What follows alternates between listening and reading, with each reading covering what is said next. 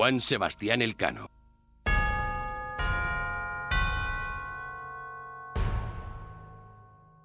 Kapitain baten biografia. Bederatzigarren kapitulua. Esperantza honeko lurmuturra. Mila bosteun da hogeita bateko abenduaren hogeita bata zen, San Tomas eguna, goizean goiz eta eguraldionaz.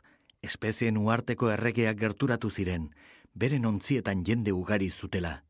Trinidad itxasontzeko kideek, unkituta, beren zenidentzako gutunak ekarri zizkiguten Victoria itxasontzira. Aingura jaso ondoren, Juan Sebastianek agindua eman zuen. Askatu trinketa, irutasun santuaren izenean. Haita, semea eta espiritu santua, benetako jainko bakarra, izan dadila gurekin lagundi ezagula bidaia on bat egiten, eta itzul gaitzala bizirik etxera. Kapitainak, agur maria bat esateko agindu zigon. Izan ere, moluketa iristea miraria izan bazen, are eta mirari handiagoa izango zen etxera itzultzea. Kanpaiak, atabalak eta turutak bilegoetara entzuten ziren. Horrela agurtu gintuzten. Berrogeita zazpi kristau eta bertako amairu gizon ginen.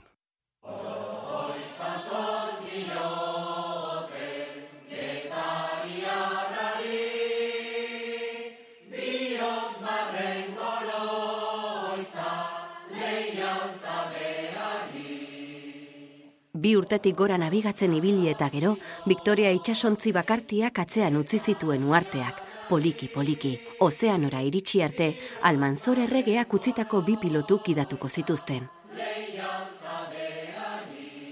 Hiru aste geroago, ekaitz bortitz batek harrapatu zituen, eta pilotuek itxas lasterren eta mendialdetik zetozen aize erauntzien kontra borrokatuz, itxasontzia mailua uartean sartu zuten. Itxasontziaren kroskoa kaltetuta zegoenez, ur asko sartzen zen, eta ur ponpaz etengabe ateratzeak akituta uzten zituen gizonak. Presazko konponketa bat egin ondoren, bideari jarraitu zioten hegoalderantz. Honela dio Francisco Albo pilotuak. Otsailaren zortzigarren egunean, Timor uartearen buruan gaude. Uartea bederatzi gradu hegoaldera dago.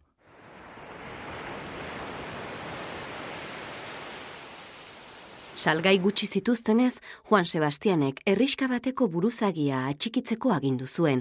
Gizonura onustean igozen itxasontzira, tratuak egiteko prestutasuna agertzera. Askatasuna lortzearen trukean, sei bufalo, ahamar txerri eta beste hainbat hauntzeman behar zizkigula esan genion. Bi gizonek itxasontzia utzi zuten Timorren. Haietako batek, Martin de Ayamonte itxasmutilak hau adierazi zuen Portugaldarrek harrapatu zutenean. Victoria itxasontzia Timorretik abiatu zenean. Egunez amabi aldiz eta gauez beste amabi aldiz ematen genion urponpari. Ofizialek malakara joan nahi zuten, baina kapitainak ez zuen ara joan nahi izan. Timor utzi ondoren, Indiako ozeanoan sartu ziren, ekaitzen lurmuturrerako bidean. Portugaldarrek aurkitu zuten lurmuturrura, eta izen hori eman zioten. Bertan erauntxi eta ekaitzugari izaten baitziren. Aizea batzuetan hain zen bortitza, bela guztiak kendu behar izaten baitzituzten eta ezer gabe aurrera egin. Barealdiak ere izan zituzten, horrelakoetan hainbat egunez egon behar izan zuten inguru berean. Bapatean, ozeanoaren erdian zeudela, itxasmutilak oiu egin zuen. Lurra! Lurra! Mendiak zituen uarte harritxu bat zen. Baina aurkikuntzak eragindako zorion eta aleluia hotsek ez zuten asko iraun. Uartea labarrez inguratuta baitzegoen eta ez zuten ara iristeko modurik aurkitu. Beraz, Victoriak nabigatzen jarraitu zuen. Tripulazioan desadostasunak zeuden. Batzuek, gaixo zeudenek, besteak beste, Mozambikerantz joan nahi zuten, Portugaltarren base bat baitzegoenan. Kapitainak patxada zentzun zituen haien errukiak eta kexak, baina ongi zekien, Portugaldarren eskuetan erorizkero hilekingo gintuztela. Tidoretik irten zirenetik, hiru hilabete eta erdira, berrogei gradu hegoalderako puntua gainditu zuten. Klima tropikalera ohituta, alabearrez sentitu zuten hotzaren gogortasuna. Itxasoak jada ez zuen atxedenik ematen.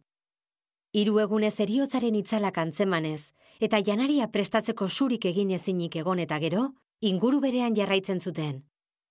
Gatza uretan desegiten den antzera, etxera itzultzeko zituzten itxaropenak ere desagertzen ari ziren. Maiatzaren sortzian, ustez lurmuturra gainditu zutenean lehorrera gerturatu ziren. Eta orduan jabetu ziren non zeuden. Artean beste zortzireun kilometro falta zitzaizkien ara iristeko. Kostaldean zehar nabigatu genuen, porturen bat aurkitu nahian, jendea gaixo baitzekoen, baina ez genuen ez aurkitu. Horren bestez, itxas zabalera itzuli ginen, azke jarraitu nahi bai genuen.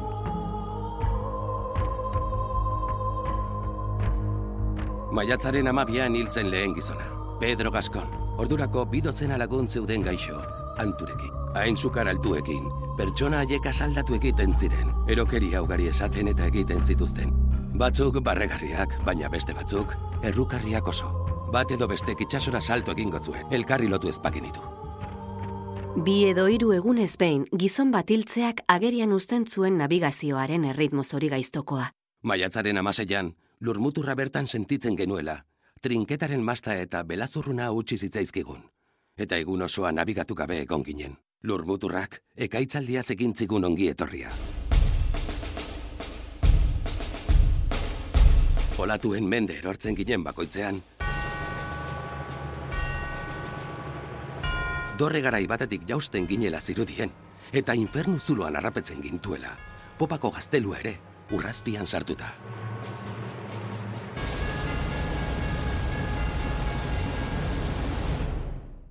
Lau egun geroago, maiatzaren hogeilean, esperantza honeko lurmutur famatu atzean utzi zutela ziurtatua ahal izan zuten. Otzetik iesi, aldeko haizeaz nabigatu zuten iparmende balderantz, abiadura handian, zenbait egunetan, irureun kilometrotik gora egin zituzten. Victoria egan zijoan.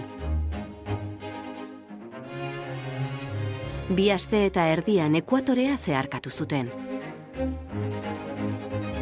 Produktu freskoen gabeziak eragindako sarraski geldiezina zela eta Juan Sebastian kapitainak amore eman zuen azkenean eta Santiago uartera abiatu zen. Uztailaren batean jendea bildu zuen eta erabakia onartu zuten. Gerora hau idatzi zuen Juan Sebastianek. Bost hilabetez, arroza janez eta ura edanez egon ginen, ez besterik. Eta ez genuen lurra ukitu ere egin, Portugalgo erregearen beldurrez ontzi hau mendean hartzeko agindu baitzuen, bere agindupeko lur guztietan. Hala, hogeita bigizon hil zitzaizkigun gozez. Horren bestez, eta elikagairik ez genuelako, Kabo Berde uartera heldukinen.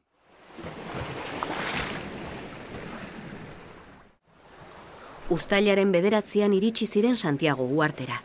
Victoria itxasontziak portutik distantzia zuhur batera bota zuen aingura eta batel bat porturatu zen. Mendez eskribaua buruzutela gezur bat zuten entxeatuta. Amerikatik zetozela esan behartzuten eta masta bat apurtu zitzaienez, gainerako ontzietatik atzera geratu zirela, Francisco Albo. Oso ongi hartu gintuzten eta nahi genituen mantenu gaiak eman zizkiguten. Aste azkena zen, baina haiek osteguntzat zeukaten. Uste dut gu geundela egun bat erratuta. Nabigatzaileako hartu ziren, egun bateko atzerapena zutela beren egutegian. Baina ez zuten asmatu zerk eragin zuen. Asteazkenetik igande gauera arte egon zirenan, itxasontzia inguratuta, eta sekulako banketea egin zuten, erositako elikagai freskoekin. Ausardiazko ekintza batean, Juan Sebastianek bere gizonen egoera ikusirik zenbait esklabu erosteko agindu zuen, ura punpatzen lagundu zitzaieten. Garai hartako ohitura izateaz gain, enperadoreak berak ere beraria zadierazi zuen aginduetan. Ontzidiko jendea hiltzen bada zenbait esklabu erosten aleginduko zarete. Ez da dila bidaia galdu behar beste jende ez izateagatik. Eun kilo espezia eman behar izan zituzten esklabuak ordaintzeko. Uarteko bizilagunek hain kantitate handia ikusirik eta espeziak moluketan soilik sortzen zirela jakinik, arimutur guztiak lotu zituzten eta egia susmatu zuten. Itxasontziark espeziak lapurtu zizkien. Francisco Albo. Gauera arte itxaron genuen baina etzen batela etortzen. Beste egun bat itxaron genuen, baina etzen sekula itzuli. Orduan, portura gerturatu ginen, zer gertatzen ari zen ikustera.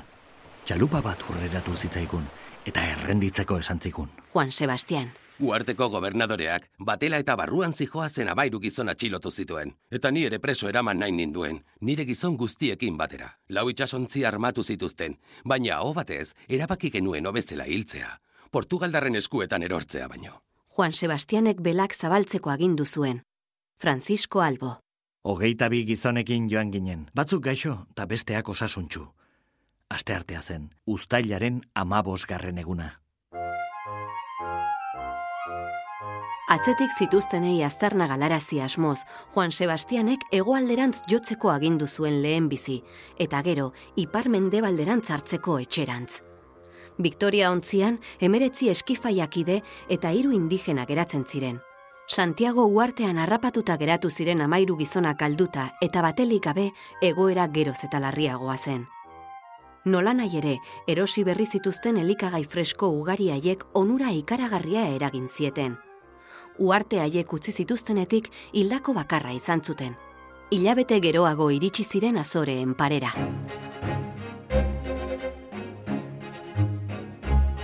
Belen oielak penagarri zeuden, eta ilunpean afaltzen genuen, xurren antzera, baina etzen aurresteagatik, baizik eta kandelak egiteko, ez gantzik ez oliorik ez genuelako. Aizeak iparralderantzera maten gintuen alabearrez. Juan Sebastián, ur pompaz ikaragarrizko lana egin genuen. Gau eta egun, ura atera eta atera, ez genuen besterik egiten, eta akituta geunden, inork sekula egon ezten bezala. Abuztuaren emezortzian, berrogeita bi gradu iparraldera iritsi ziren, finisterre lurmuturraren parera. Han, sekulako ekaitza izan zuten, eta belak kendu behar izan zituzten hiru egunez aurrerantzean aldeko izan zuten aizea. Kolonia Ameriketatik itzultzen lagundu zion aizebera, eta bi aste geroago, irailaren lauan, begien aurrean ikusi zuten San Vicente lurmuturra.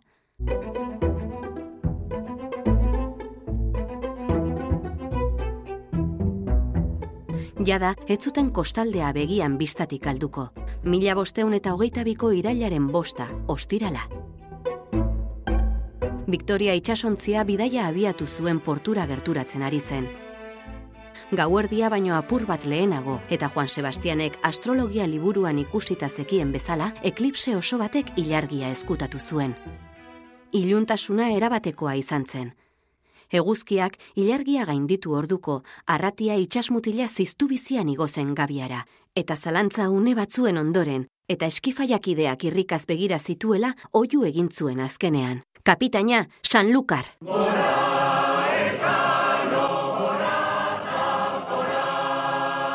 Mila bosteun eta hogeita biko irailaren seia zen.